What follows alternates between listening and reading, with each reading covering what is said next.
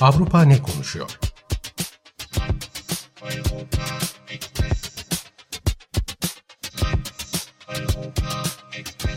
Avrupa medyasından yorumlar.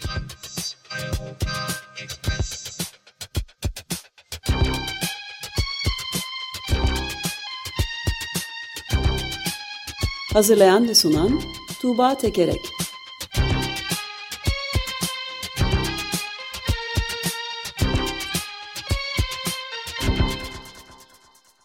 Günaydın Tuğba, merhabalar. Günaydın Ömer Bey. Günaydın. Günaydın Özdeş. Evet, gayet yoğun bir gündem var galiba. Hemen e, girelim o zaman Avrupa ne konuşuyormuş dediğimiz zaman çok sayıda haber var. Kesinlikle. Ee, en başta Polonya ve Macaristan'ın AB ile arasında tırmanmakta olan gerilimden, açılan makastan e, bahsederek başlayayım. E, şimdi e, öncelikle e, Polonya ile ilgili meseleler. E, Polonya 2018'den bu yana e, ülkede bir yargı reformu ge gerçekleştiriyor. Ülkedeki yolsuzluğu engellemek için bu yargı reformunun e, gerekli olduğunu söylüyor. Ama yargı reformu yaparken aslında yaptığı şeylere baktığımızda mesela mevcut üst mahkemedeki yargıçlara zorunlu emeklilik getirmesi, onların yerine de iktidar partisine yakın olduğu söylenen yargıçların atanması söz konusu mesela. E, son güncel gelişme ise üst mahkemedeki yargıçları denetleyen bir kurul oluşturulması. Bu kurul e, yargıçları denetleyecek, dokunulmazlıklarını kaldırabilecek, onlar hakkında kovuşturma başlayabilecek, maaşlarını kesintiye uğratabilecek. Bu AB tarafından e, yargı bağımsızlığı açısından, yargıçların bağımsızlığı açısından e, çok ciddi bir tehlike olarak görülüyor. Ve e, Avrupa Adalet Divanı e, bu konuda bir karar verdi. Avrupa Adalet Divanı Avrupa Birliği'nin bu konudaki en üst merci. Dedi ki bu kurul derhal askıya alınmalı dedi geçtiğimiz haftalarda. Aynı gün Polonya Anayasa Mahkemesi bu karardan saatler önce bir açıklama yaptı ve dedi ki Avrupa Adalet Divanı Polonya'nın yargı reformlarına yönelik aldığı tedbirlerin Polonya Anayasası'na aykırı olduğuna karar verdi. Yani diyor ki biz Avrupa Adalet Divanı bizim anayasamızla uyumlu değil. O yüzden de biz Avrupa Adalet Divanı'nın kararlarını tanımıyoruz e, demeye getiren e, bir karar verdi. E, şimdi bu çok ciddi bir çatışma anlamına geliyor. Örneğin Hollanda'dan De Volkskrant gazetesinden bir yorumcu diyor ki bu AB'ye cepheden bir saldırı demek. Avrupa Adalet Divanı AB yorumlanması konusunda son merci. Bu AB'nin temel ilkelerinden birisi diyor. Genel olarak Polonya ve Macaristan'ın uygulamalarıyla ilgili Süddeutsche Zeitung'dan bir yorum var. Diyor ki bu ülkeler 1945'ten sonra AB içinde eşi benzeri görülmemiş bir demokrasi yıkımının önderliğini yapıyorlar e, diyor bu yorumcu. E, şimdi bu, tüm bunların e, Polonya'nın ve Macaristan'ın e, AB'den çıkışı e, ne getirebileceği e, şeklinde yorumlar yapılıyor. Çünkü e, özellikle bu e, Polonya Anayasa Mahkemesi'nin açıklamasından sonra Polonya'dan e, bağımsız ombudsman e, bağımsız ombudsman bunun e, Polonya'nın hukuki olarak yargı sürecinde AB'den çıkartılmasıdır adım adım. Pol exit'tir e, dedi. Yani Pol exit'in, Macar exit'in gelebileceği söyleniyor. Bunu daha sonra işte Romanya'nın Rom exit, Slow exit e, bunları da tetikleyebileceği ve Avrupa Birliği için e, şu anda önemli bir e, dönüm noktasına doğru yaklaşılmakta olduğu şeklinde yorumlar yapılıyor. E, buradan e, bu, bu Polonya Macaristan konuları e, bir, önemli gelişmeler daha var. E, siz e, bir şey söyleyecektiniz Ömer Bey. Buyurun ben sonra devam edeyim. Ee, estağfurullah. Yani şey e, bir tek şey ekleyeceğim. Bu eksitlere e, sayısız polexit, maci exit filan e, Rom exit derken e, belki de e, İskoç exit diye de bir şey söz konusu olabilir. Yani çok büyük bir bizim görüşümüze göre çok büyük bir skandal oldu e, Britanya'da ve kraliçenin kendi uçsuz bucaksız topraklarında fosil yakıt çıkarmaya devam etmesi için lobi yapmakta olduğu ve bütün şeyi baltalamakta olduğu ortaya çıktı. İklim değişikliğine karşı girişilen mücadeleyi baltalayacak bir şey çıktı. Skandalin büyüğü yani belki İskoçya'da o zaman çıkar. Ee, evet yani bu, bu sabahleyin bahsettiğinizde dinledim. Evet çok büyük bir skandal ama e, AB bunu çok da pek sanki önemsemiyor ve işte e, ya Macar exit, Pol exit konuşuluyor ama İskoç exit yani pek de gündeme gelmiyor. Belki gelir bundan sonra. Belki. E, bu şeyle ilgili e, e, AB ile Polonya ve Macaristan arasındaki çatışmayla ilgili şöyle önemli bir gelişme daha oldu. E, şimdi Polonya'da e, LGBTİ ideolojisinden arındırılmış bölgeler var. İşte buralarda LGBTİ'ler ve onların ideolojilerinin olmadığı, e, olamayacağı şeklinde belediyeler e, işte kendilerini, bölgelerini böyle tanımlıyorlar. Buna karşı Avrupa Birliği Komisyonu yasal süreç başlattı. Hem buna karşı hem bir de Macaristan'da e, Macaristan'da pedofili e, karşıtı yasaya LGBTİ haklarını e, ihlal eden bazı maddeler e, eklemişti. Bunlara karşı yasal süreç başlattı. Şimdi onlardan bu konuda savunma istenecek Polonya ve Macaristan'dan ve bu savunma neticesinde de tekrar Avrupa Adalet Divanı'na konunun taşıması gündeme gelebilecek. Ee, Avrupa Birliği Avrupa Birliği Komisyonu bu şekilde bastırırken e, peki bu ülkeler ne yapıyor? Mesela Macaristan diyor ki demek ki siz bu yasaya tepki gösteriyorsunuz. E, işte LGBTİ haklarını sınırlayan e, yasaya e, tepki gösteriyorsunuz. O halde ben de bunu referanduma gö götürürüm. İşte gerçek demokrasi nedir? İşte gerçekten hak ne istiyor hep beraber görmüş oluruz diyor. E, bu yasayı referanduma taşıyor e, Orban. Macaristan Başbakanı. Bunun da işte e, e son göstermelik bir demokrasi olmasının altına oyan e, bir şey olduğu yönünde yorumlar yapılıyor. E, örneğin e, İsveç'ten Svenskan gazetesinden bir yorumcu diyor ki beş kurtla bir kuzunun akşama ne yeneceğini oylamasına demokrasi denemez e, diyor. E, yani işte e, LGBT'ler azınlık sonuçta azınlıkların e, temel hakkı olan bu hakların e, referandum sunulamayacağından e, bahsediyor.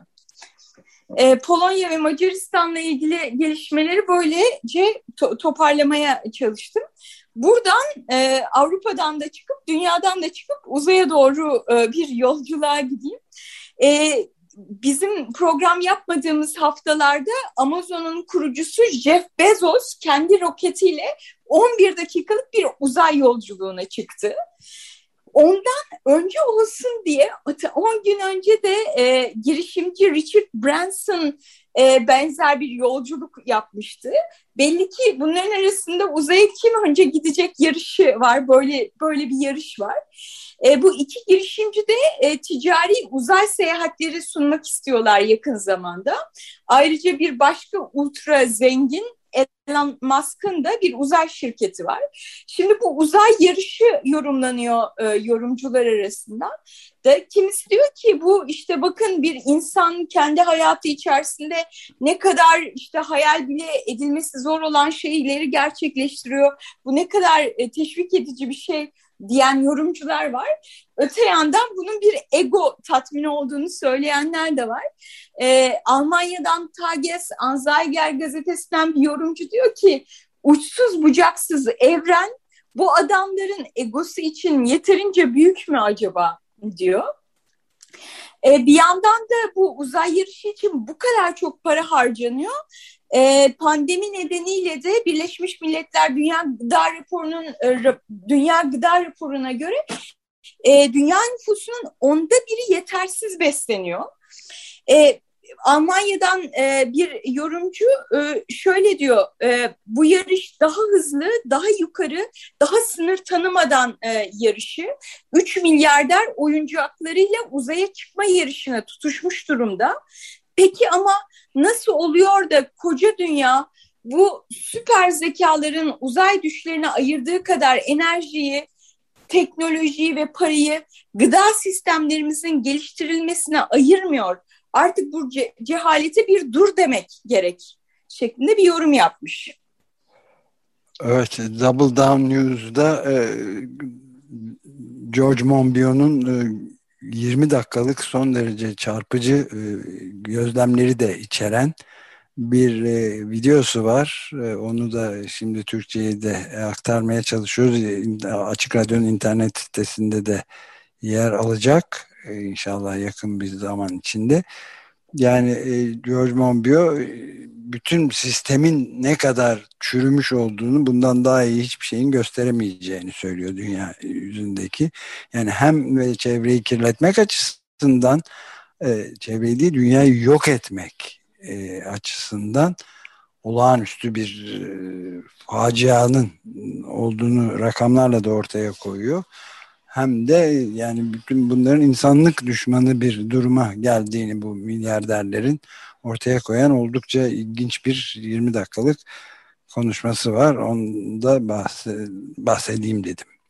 E, evet, e, Irish Times gazetesinde bir köşe yazarı bahsetmiş. İsviçreli UBS Bankası'nın bir raporu.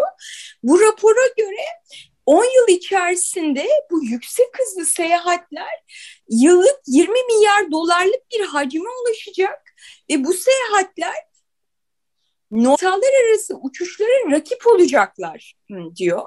Yani e, işte biz uçakların çevreye verdiği zararı, iklime verdiği zararı e, konuşurken e, bu uzay seyahatlerinin, uçak seyahatlerinin kıtalar arası seyahate rakip olması ve 10 yıl içerisinde hayatımızda çok ciddi bir alan kaplayacak olması gerçekten çok ürkütücü bir durum.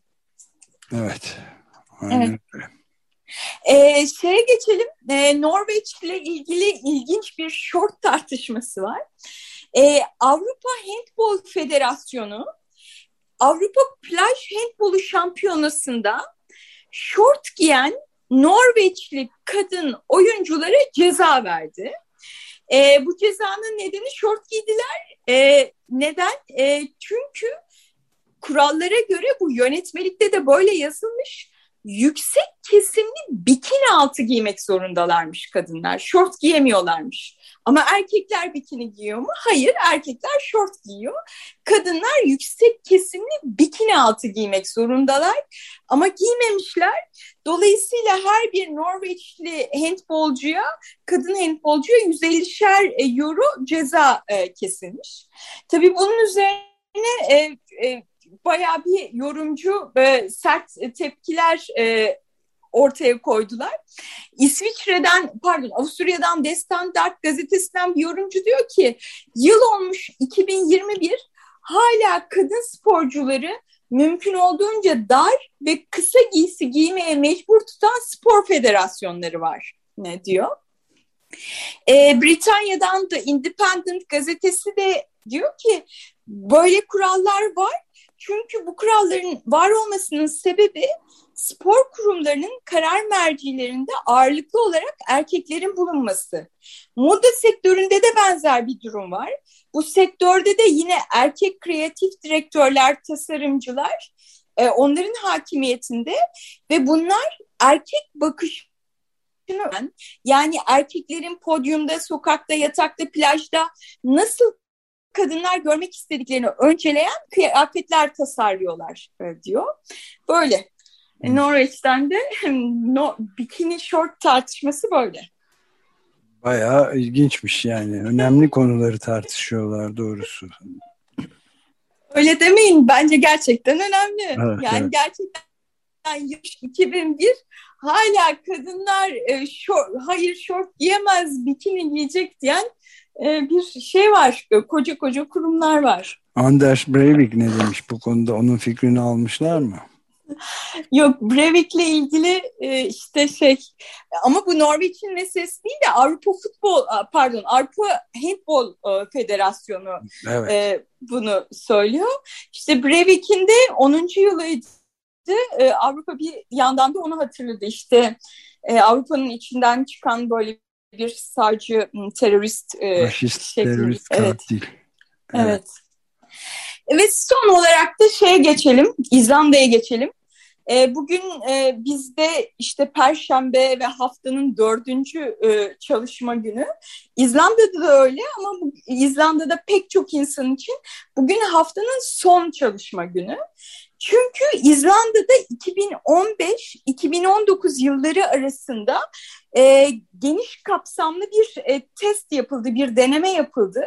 Nüfusun yüzde biri haftada 40 saat yerine daha az e, bir mesaiyle çalıştı ve bu dört yıllık çalışmanın sonuçları geçtiğimiz hafta açıklandı. E, geçtiğimiz haftalarda açıklandı. Buna göre e, çalışanların verimliliği düşmek bir yana pek çok noktada arttı ve bu nedenle de İzlanda'da nüfusun yüzde 86'sını ve çalışanların yüzde 86'sı şimdi haftada 40 saat yerine 35 saat çalışmaya geçti ya da geçiyor. Yani İzlandalıların çok büyük bir kısmı haftanın dört günü ıı, çalışıyorlar ve üç gün yarından itibaren e, tatil e, yapıyor olacaklar. İzlanda'dan da böyle bir haberimiz var. Evet Avrupa neyi konuşuyor da çok ilginç tabii bu da doğrusu. Yani biz buna değinme fırsatı da fazla bulamamıştık doğrusu. Hatta hiç. O yüzden çok iyi oldu bunda dile getirdiğin. Bütün kriterlere bakıldığı zaman haberlerde bütün kriterlere göre de tahminlerin çok aksine olabileceği söylenecek. Yani bu çalışma süresinin kısıtlanması verimliliği önemli oranda dikkate alınacak kayda değer oranda artırmış oluyor. Bu da çok önemli bir tespit yani. Evet, e, Avusturya'dan Der Standard e, bu konuda şey söylemiş. E, daha kısa çalışmak e, birçok avantajı beraberinde getiriyor. Daha yüksek verimlilik, daha iyi yaşam kalitesi ve hatta iklimin korunması e, diyor mesela. Yani e, evet daha az bu tip şeyleri ve bu çarkları döndürdüğümüz vakit e, dünyada biz de daha fazla dinleneceğiz ve kendimizi yenileme fırsatı bulacağız galiba. Evet, aynen öyle. İlginç. Evet. Bitiriyoruz değil mi?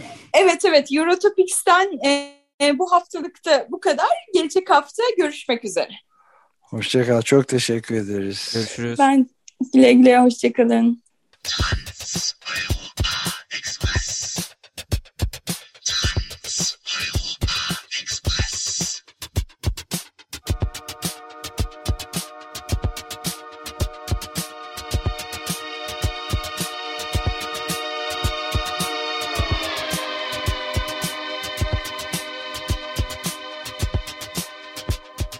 Avrupa ne konuşuyor?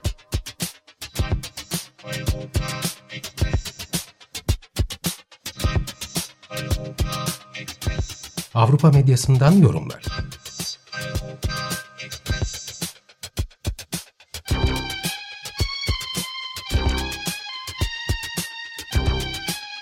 Hazırlayan ve sunan Tuğba Tekerek